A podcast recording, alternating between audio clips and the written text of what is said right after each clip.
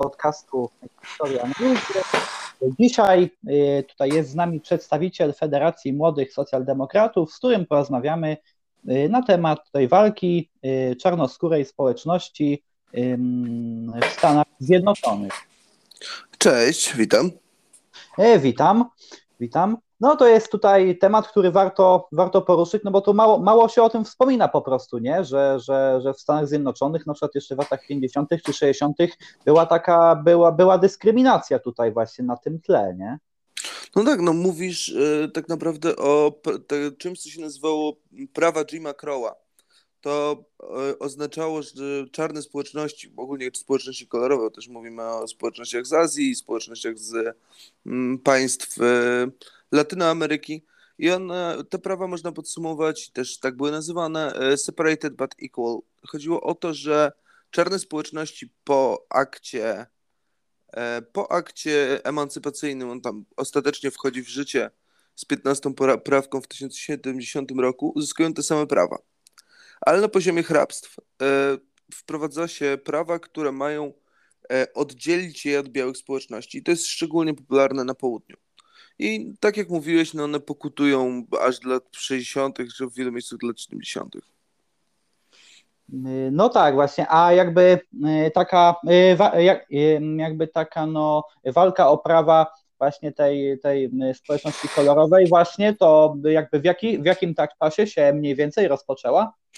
No i tak naprawdę mm, razem z wojną secesyjną, kiedy walczy się o zniesienie niewolnictwa, e, to jest, wydaje mi się, że taka naj, najważniejsza cezura, no bo tak naprawdę nadaje im to prawa zarówno człowieka, jak i obywatela. No to jest moim zdaniem dobry początek.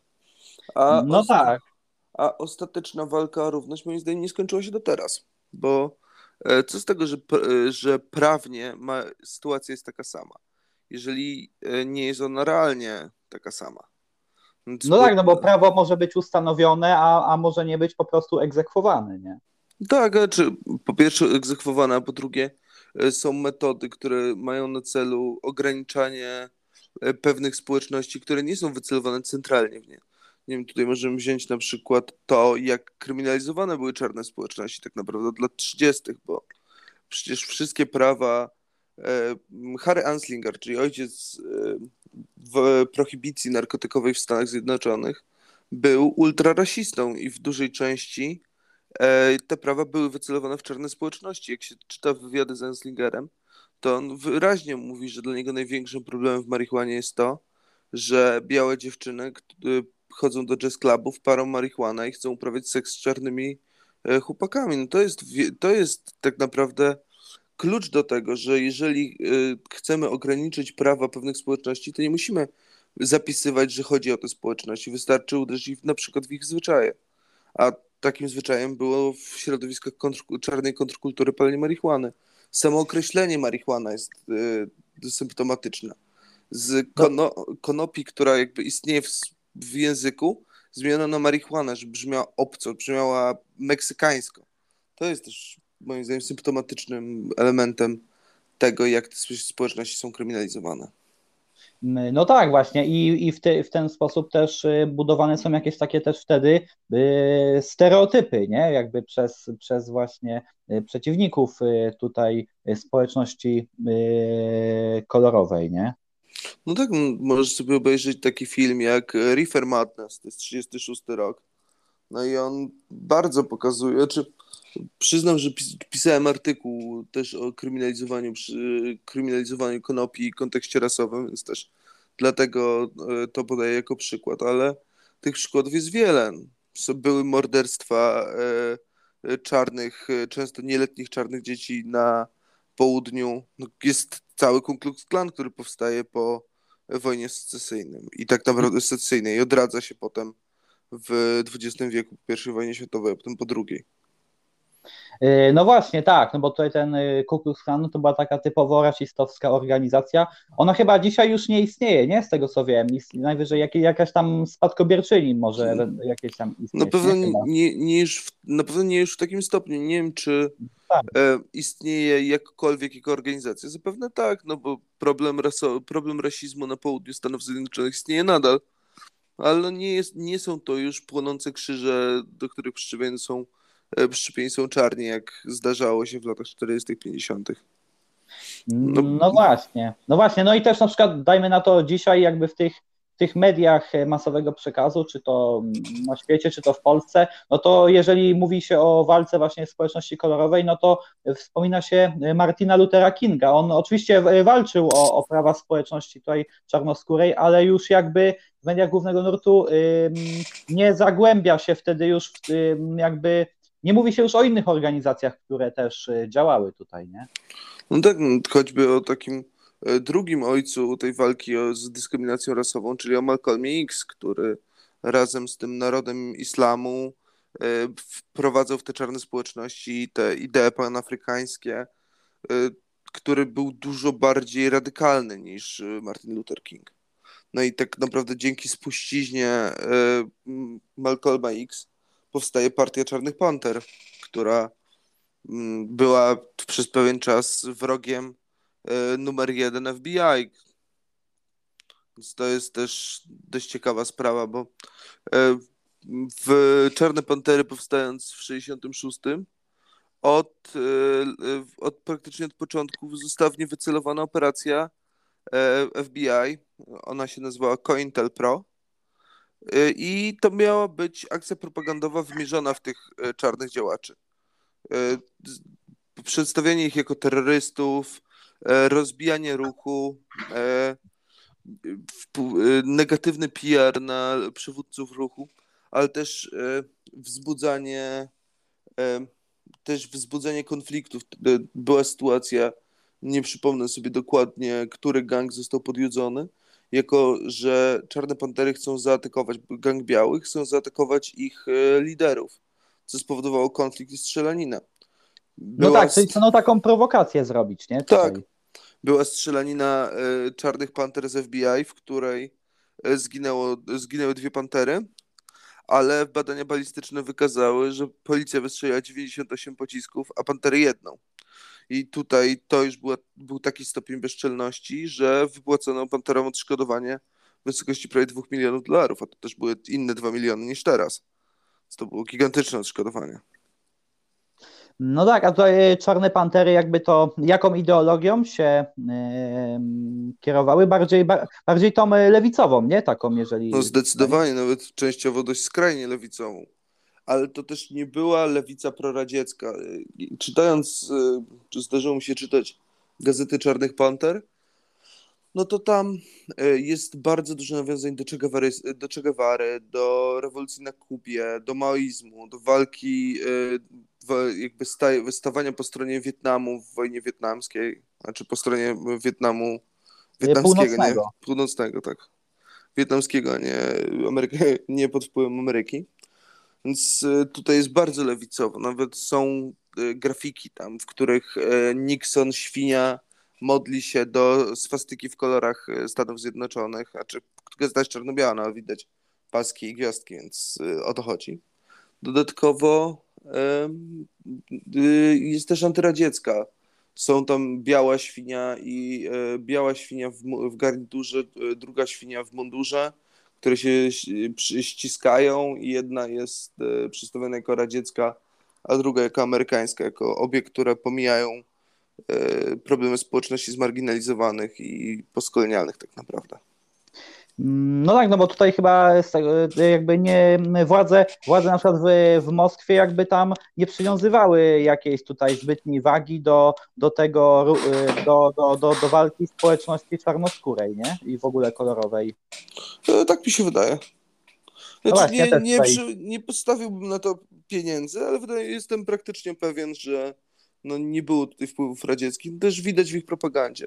Dodatkowo e, tutaj e, powstają wpływy tej nowej lewicy, to nie jako partii politycznej, jako ideologii nowej lewi, mm, ideologii tak. nowych lewicy, czyli e, tych, które powstały po rewolucji na Kubie.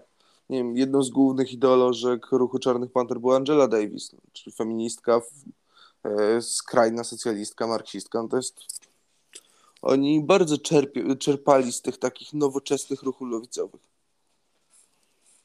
No tak, no bo y, czerpali z, z tych ruchów, dlatego że dlatego że te ruchy no, dawały im w jakim, nadzieję nie? Na, polepszenie, na polepszenie tutaj ich sytuacji właśnie. No tak, no moim znaczy przyznam, że nie będę w tej sytuacji specjalnie obiektywny, no bo dla mnie też te ruchy, te ideologie są bardzo bliskie, ale no to było to była jedyna opcja. Ten skostniały świat białych był nieakceptowalny, a to były jedyne ruchy, które zwracały uwagę na ich potrzeby, na warunki, w jakich żyją. Też po tej wojnie secesyjnej w teorii się zmieniło, poszła ta 14-15 poprawka, zrównanie praw politycznych, ale tak naprawdę na południu e, czarni byli dokładnie w tej samej sytuacji, w jakiej byli wcześniej, dlatego że jeżeli jedynymi pracodawcami były plantacje, te same plantacje, z teorii zostali wyzwoleni, to ich sytuacja co do zasady się nie zmieniła. No, znaczy zmieniła się w marginalnym stopniu. Spowodowało to, e, zmieniła się pod jednym względem dość ważnym, czyli e, tym, że doszła możliwość migracji. I dlatego mamy na po wojnie secesyjnej dwie wielkie migracje, e, czy wielką migrację czarnych na północ, którzy zasilili często e, fabryki, to też był dość ważny element ze strony jakby społeczności z północy, że te, w tych fabrykach brakowało ludzi, czy czarni przyszli, więc to też była woda na ich młyn. Zresztą nie, nie róbmy z tych, bo wydaje mi się, że pokutuje wśród nas mit e, wielce akceptujących i tolerancyjnych, e, wielce akceptującej i tolerancyjnej północy i dyskryminującego południa. I oczywiście południe było bardziej dyskryminujące, to w ogóle nie ulega wątpliwości. Ale w ale na północy też ten rasizm pokutował. Tak naprawdę poglądy rasistowskie w XIX wieku, szczególnie w krajach e, takich jak Stany Zjednoczone, w których ten rasizm istniał długo, znaczy niewolnictwo istniało długo, nie było nic dziwnego. No nie wiem, możemy spojrzeć na pisarza Alana Edgara Poe, którego poglądy, gdy się je czyta teraz, wydają się nam skrajnie obrzydliwe, ale wtedy były absolutnie akceptowalne. Ciut radykalne, ale bez większego problemu. No, on tam uważał, tak naprawdę oczekiwał wojny rasowej. Z, I czuł się zagrożony przez czarnych, jako silniejszych, jako tych, którzy mogą, mu, mogą w jakiś sposób za, zaatakować białych tylko z powodów rasowych. Może silniejszych, ale głupszych i gorszych. Tego typu poglądy w Stanach nie były niczym dziwnym. On też był z Nowej Anglii, co pokazuje, że nie jest to aż tak oczywista dychotomia. No i no to w sumie. No tak, a tutaj y, a były na przykład jakieś takie organizacje, jakby czy, czy, czy tutaj członkowie społeczności kolorowych na przykład zakładali jakieś takie organizacje też konserwatywne na przykład, jakieś prawicowe, które miały też walczyć o ich prawa, czy jak to wyglądało? Czy nie widziałbym w, w amerykańskim konserwatyzmie jakichkolwiek szaleństw dla nich, bo konserwatyzm e, nie zakłada e, zmian w sposób nagły, a ciężko, żeby ciężko dokonać rewolucji społecznej, jednocześnie nie chcąc zmieniać w sposób nagły krzywdzących przepisów. Ja nie, widziałbym, nie widzę szans dla społeczności czarnych w, którzy nie istnieją w jakimś ruchu progresywnym. Nie przypominam sobie żadnej organizacji e, konserwatywnej, która miałaby walczyć ze strony czarnych społeczności, bo e, możliwe, że wśród białych były takie ruchy, ale w czarnych społeczności nie istniały raczej w konserwatywnym systemie. Ten konserwatywny system też ich odpychał. Oni przez to, że nie byli równi, przez to, że nie, e, niby dostali dość wcześniej, to w 1870, tak jak powiedziałem, dostali możliwość głosowania, to często politycznie byli wykluczeni. Te możliwości głosowania były dużo, e, były dla nich często utrudnione. Zdarzały się sytuacje, że na całe hrabstwo dla czarnych była dostępna, tak na podstawie Jim Crow Laws, była dostępna tylko jedna e, kolektura wyborcza. Więc tak naprawdę duża część tych czarnych społeczności w tym demokratycznym systemie Stanów Zjednoczonych nie istniała. Tego trzeba pamiętać o przemocy policyjnej. Ciężko być amerykańskim konserwatystą, kiedy e, jesteśmy zagrożeni zarówno przez przestępców, jak i przez policję. I tutaj też jest e, dość ważny element. Czarne Pantery organizowały milicje obywatelskie w e, gettach e, z bronią. Też w swoich czasopismach piszą o tym, gdzie taka milicja wyruszyła, jak byli uzbrojeni, dlatego że e, skorzystanie z pomocy oficjalnej policji wiązało się z tym, że ta policja albo nie przyjedzie, albo będzie po prostu zagrożeniem dla tych społeczności. No tak, no te społeczności mogłyby zostać oskarżone o to, że to oni wszczeli jakby tam yy, zadymę, nie? No zdecydowanie tam występowała przemoc jednak ze strony policji. Cały czas istnieje. Przecież tak jak ostatnio była ta sytuacja e, ze school shootingiem w Teksasie, e, policja nie zareagowała, a wcześniej zdarzają się regularnie sytuacje, kiedy e, czarny zostaje wielokrotnie postrzelony za przedmiot, który miał w ręce, który niekoniecznie był bronią. No, cała sprawa George'a Floyda, który został uduszony. No, to jest konflikt policja versus czarne społeczności istnieje od dawna. No. Z, dla nich e, rewolucyjna zmiana społeczna była jedynym rozwiązaniem, które zapewniłoby im bezpieczeństwo i realnie równe prawa. No tak, a tutaj e, na przykład e, właśnie były jakieś takie tutaj znaczące zamachy tutaj na właśnie liderów tej społeczności kolorowej, czy jak to wyglądało? No Malcolm X i Martin Luther King zostali rozstrzelani, no to zastrzeleni, no to jest moim zdaniem chyba najbardziej odczuwalne. No tak, tak, właśnie tutaj. Yy, no właśnie a propos tutaj Martina Luthera Kinga, no to wiadomo, no on był pastorem jakby, no ale on jakby miał takie bardziej jakby konserwatywne poglądy, czy, czy w tym, czy w tym jakby, jeżeli, czy jak to wyglądało na przykład? Na pewno bardziej, może nie wiem, czy bardziej konserwatywnym, na pewno bardziej pokojowe niż na przykład Czarne Pantery i Mal e, Malcolm X. Malcolm X jako, nie chcę mówić, że nie wiem, jego muzułmańska religia miała jakikolwiek wpływ, no po prostu e, uważał, że tak samo jak Czarne Pantery, że o własne prawa się walcza, się nie, o nie się nie prosi. Ale no nadal był cierniem w oczach amerykańskich rasistów.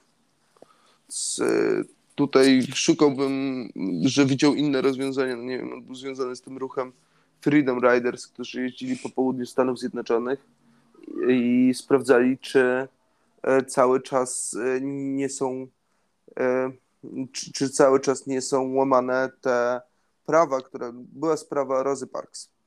Rosa Parks wsiadła w wsiadła w wsiadła do autobusu, gdzie w mieście Montgomery czarni musieli ustępować miejsca w autobusie e, białym, jeżeli w białej części zabrakło miejsc, bo autobus był podzielony na dwie części. I Rosa Parks nie ustąpiła miejsca e, białym, którzy wsiedli do autobusu i została, e, autobus został zatrzymany, kierowca kazał jej ustąpić miejsca, a jeśli tego nie, jak tego nie zrobiła, została wezwana policja i została ukarana na podstawie praw miejskich mandatem, którego nie przyjęła. I sprawa trafiła do Sądu Najwyższego ostatecznie, w którym wygrała i e, to stworzyło precedens, według którego nie można było stosować praw, które e, nie pozwalały siedzieć w autobusach we wspólnej części białym i czarnym. I ten ruch Freedom Riders e, skupiał się na tym, żeby, bo tego typu spraw było więcej, żeby jeździć po południu Stanów Zjednoczonych i sprawdzać, czy można korzystać razem z autobusów, czy można korzystać razem z e, restauracji. No to była e, dość mocna, e, znaczy dość widoczny ruch, o tyle, że e, wywołał niesamowity gniew ze strony rasistów z południa. W Alabamie policja, z tego co pamiętam, współpracowała w ogóle z Ku Klux Klanem, żeby walczyć z nimi. Oni byli ofiarami przemocy, ale to był to była forma raczej biernego oporu, a Czarne Pantery groziły e, realnym fizycznym oporem, dlatego też uważano ich za terrorystów. No, no, no tak, bo tutaj no tak, a, a dzisiaj jakby, dzisiaj, dzisiaj w USA jakby jak ta sytuacja tutaj wygląda właśnie? Znaczy, musimy się zastanowić, jakie sposoby, czy znaczy też nie, jestem czarny. Nie będę oceniał potrzeb czarnych społeczności teraz w taki sposób, że będę mówił, co im pasuje, co nie, no bo nie jestem w pozycji. Ale uważam, że dość ważnym elementem jest to, że e, teraz jesteśmy podzieleni, te osoby są podzielone zarówno klasowo, jak i rasowo. Ten problem został rozmyty. I e, biedne czarne społeczności nadal są w fatalnej sytuacji.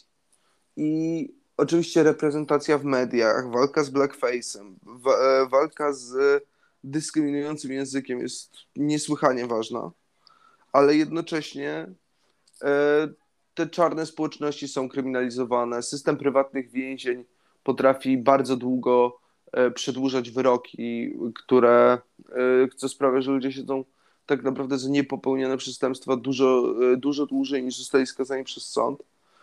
I to też dotyka w dużym stopniu czarnych. Dodatkowo wyroki za narkotyki, uznawanie, przemoc policyjna, jest, jest tego mnóstwo. E, tylko, że no, dotyczy to e, biednych czarnych społeczności. One są w kolorowych społeczności w ogóle one są najbardziej dyskryminowane. Tutaj dochodzi jeszcze aspekt klasowy, jak zawsze. No tak, właśnie. Lud, y, po, właśnie tak jak tutaj wspomniałeś, że ta społeczność właśnie została, została y, podzielona właśnie, nie? To, to się, tak właśnie to wygląda, ale no bo tutaj, jak wiemy, no w USA mamy ten, ten system taki, że no są ci y, republikanie i demokraci, nie? Dzisiaj, znaczy od już y, dość, dość długiego czasu, no i ci, ci demokraci, no to oni są jakoś tak bardziej przychylni tej społeczności kolorowej dzisiaj, czy jak to, czy jak, czy jakie oni mają do te, jaki mają do tego stosunek? Czy wydaje mi się, że no dość dobrym przykładem tego jest to, że no wiceprezydentem jest czarna kobieta, w połowie czarna kobieta no to jest y, pierwsza w ogóle, pierwsza kobieta, wiceprezydent Stanów Zjednoczonych.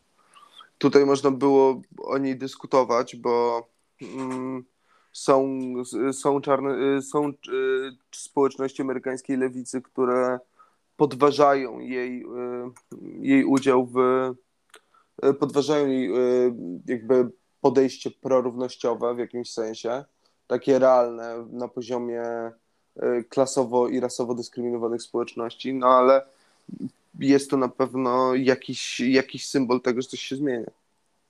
No oczywiście Barack Obama, pierwszy czarny prezydent, prawie tak oczywiste, że prawie mi umknęło. No tak, właśnie, właśnie, to, to, się, to się też, to, to się zgadza, właśnie.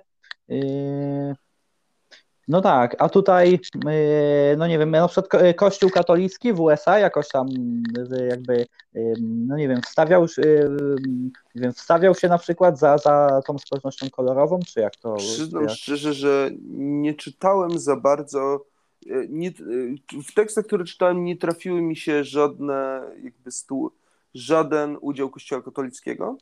Możliwe, że jakiś był, ale też po prostu na to nie trafiłem. Mm, no tak. No i właśnie, no tak, ale też mm, właśnie warto zauważyć, właśnie sytuacja społeczności kolorowej dzisiaj jest, dzisiaj jest y, już o, no, o, wiele, o wiele lepsza y, niż była wcześniej, chociaż jeszcze też no, daje wiele do myślenia, nie? No zdecydowanie, no jest dużo lepiej. Nie można pić z tego samego kranu, można jeść przy tym samym stole Y, też y, w Jim Crow Laws często y, mieszane małżeństwa nie były udzielane. Więc w wielu Stanach, tak naprawdę całych. Więc te społeczności były marginalizowane, spychane do gett. Często w tych gettach były kryminalizowane. Często dostawa, miały dostęp do broni. Przy problemie biedy i rasizmu no to zwiększało przestępczość, a jednocześnie tą przestępczość wykorzystywano jako e, taką sym... pożywkę. Tak, jako pożywkę dla rasizmu. To jest, którą nadal się użyłam. Ile słyszeliśmy komentarzy po George, George'u Floydzie, że mu się należało, że e, ćpun, że przestępca. Znaczy, Y, przestępca, ale ukarany, który odsiedział swoje, no i dodatkowo no, zamordowany przez policjanta, niezależnie czy jesteś byłym przestępcą, czy nie, to nie powinno się, y, móc, nie, policjant nie powinien móc cię zabić. Też często, jak się przygląda social media, widać różnice w tym, y, widać nagrając różnic w zatrzymaniu białych i czarnych. E, mniej skuwania, mniej rzucania na ziemię. E, to jest dość często w przypadku ruchu Black Lives Matter było to, widoczne na przykład na TikToku i Instagramie, gdzie pojawiały się filmiki o tym, że czarny, że policjant z białym nieskutym rozmawia sobie przy samochodzie, a czarny leży przygnieciony butem na ziemi. No, tego typu filmiki trafiają do nas cały czas. No, też kluczowym dla spojrzenia na współczesny problem rasowy no, jest ruch Black Lives Matter, który ba bardzo się uaktywnił, bardzo pokazał te problemy, które tam istnieją, to jest moim zdaniem kluczowe. No, no, no tak, no bo tutaj, y, no bo tutaj właśnie mm, jest taki, no, znaczy wiadomo, no oczywiście to jest y, prawda w takim sensie, no na przykład, że że tutaj no, był ten, no, dajmy na to kiedyś, ten brytyjski kolonializm na przykład, czy kolonializm francuski na przykład, no oczywiście on y, był i to jakby było to uciemiężenie y, tamtejszej y, ludności, tej skolonializowanej, ale właśnie ten, ten o tym właśnie problemie społeczności kolorowej w USA mówi się no już tak mniej, nie?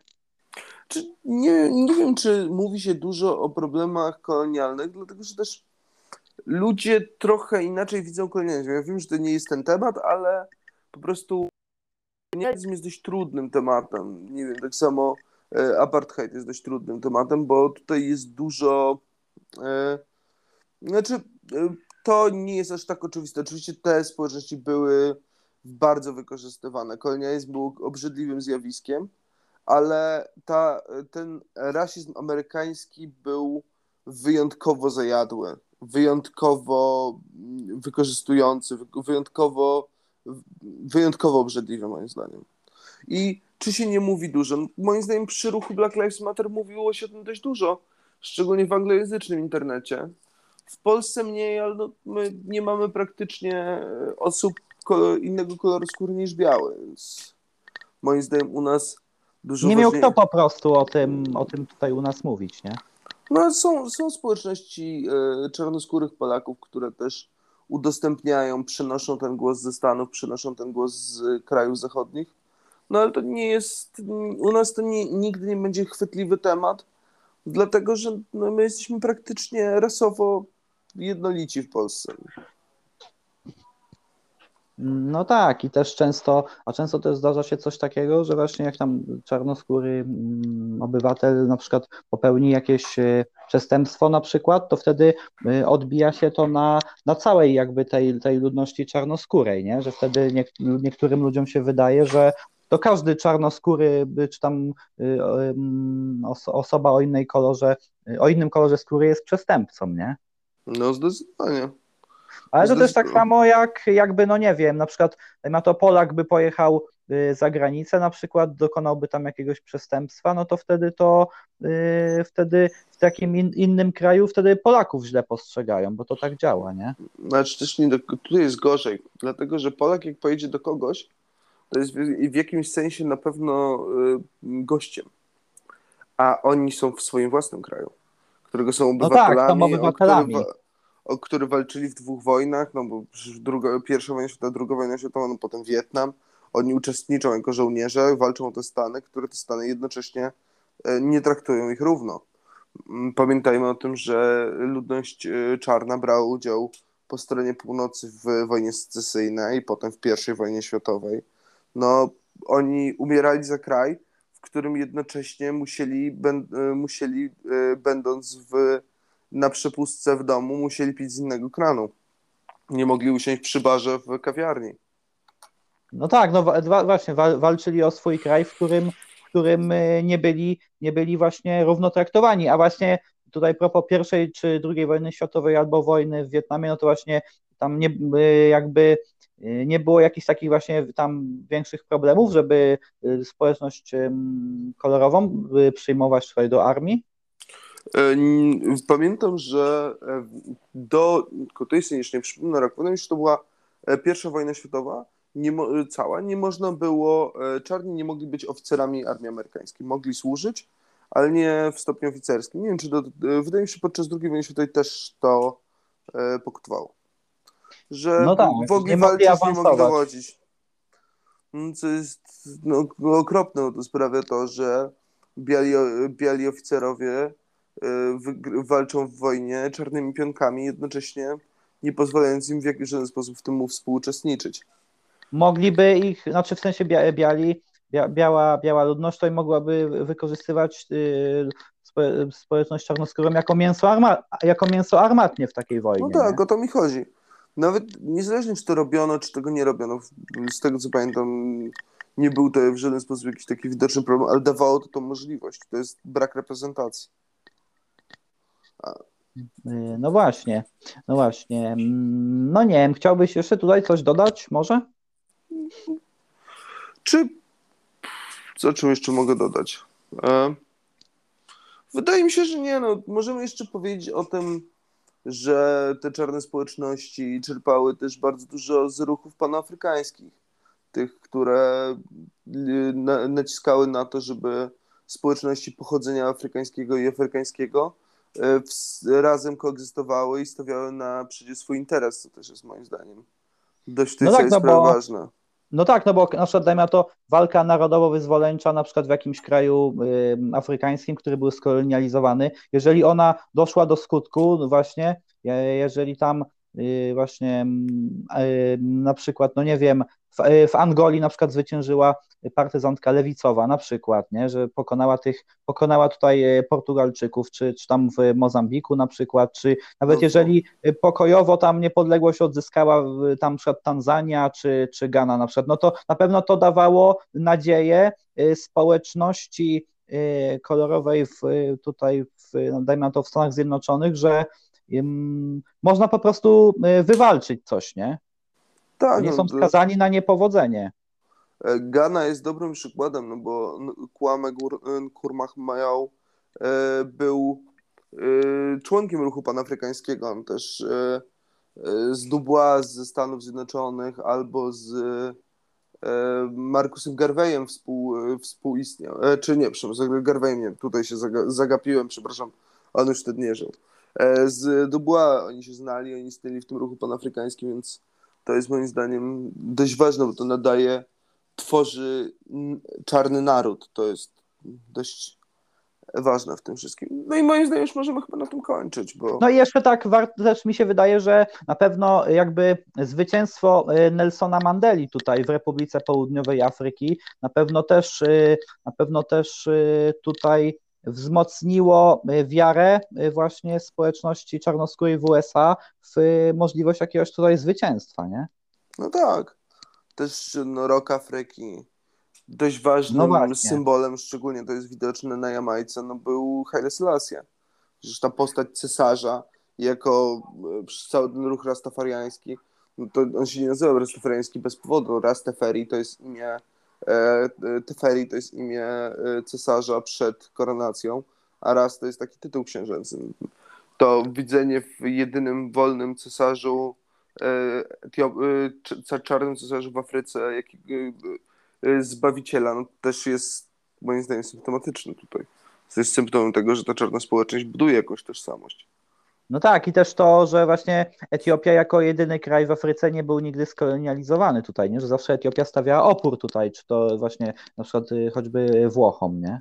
No tak, no, czy no Włochom nigdy się tak naprawdę Etiopii nie udało podbić no i nie powiem, brało udział tutaj położenie geograficzne na płaskowyżu abisyńskim, no bo Abysynia jest do podbicia ciężka, ale jednak stawiali opór. Y, Haile Selassie nie został zabity przez Włochów. Wystąpił przed Ligą, y, wystąpił przed Ligą Narodów. No to jest, jest bardzo wysoko. No tak, to znaczy tam y, Włosi na 5 lat zajęli Etiopię, nie? Ale tam zajęli, był silny opór tutaj. Zajęli Addis Abebę i główne drogi. Ale no problem tak, jest reszty... taki, że Etiopia jest na płaskowyżu. I okazuje się, że samochody, wozy opancerzone w Etiopii naprawdę średnio zdawały egzamin. Bo nie, nie, nie były w stanie pojechać do góry na płaskowyż. I dlatego no tak. tak. naprawdę ta okupacja włoska to była okupacja Addis Abeby i okolic. No tak, właśnie, a opór w Etiopii był. No i tam też e, wiadomo, no, wojska brytyjskie miały też jakiś udział, nie? miały też udział w wyzwoleniu Etiopii, nie? No tak, tak, to się już w trakcie wojny. No bo no, tam front afrykański w ogóle. No właśnie, no to tak jak mi się wydaje, że właśnie wyczerpaliśmy, znaczy powiedzieliśmy te najważniejsze tutaj rzeczy właśnie w, tutaj w temacie dzisiejszej tutaj... Czy punktowo to moglibyśmy jeszcze z 5 godzin rozmawiać, ale wydaje Nie, mi się, no że... to tak, to tak, to się zgadza, to tak samo jak ja tutaj mam inne jakieś tutaj rozmowy właśnie na różne, na różne tematy, to tak, można by, można by z ym, kilka godzin rozmawiać, no ale przy, o, przybliżyliśmy tutaj y, temat, może tak, o. Tak, też mi tak wydaje. Jasne. No ja tutaj dziękuję Tobie za przybycie, tutaj za odpowiedź na zaproszenie. Yy, Dziękuję, Bardzo, bardzo było mi miło i Dziękuję słuchaczom. roz- rozmawiało. Dziękuję słuchaczom. Mnie, że- mnie również. Mam nadzieję, że słuchaczom się podobało to, co mówiłem i nie było w tym zbyt dużo bredni. Jeśli tak, to bardzo mi przykro. Yy, yy, Dziękuję, no właśnie, dziękuję słuchaczom za, za wysłuchanie tutaj. No i yy, to by było na tyle i do usłyszenia w następnym odcinku. Na razie, cześć.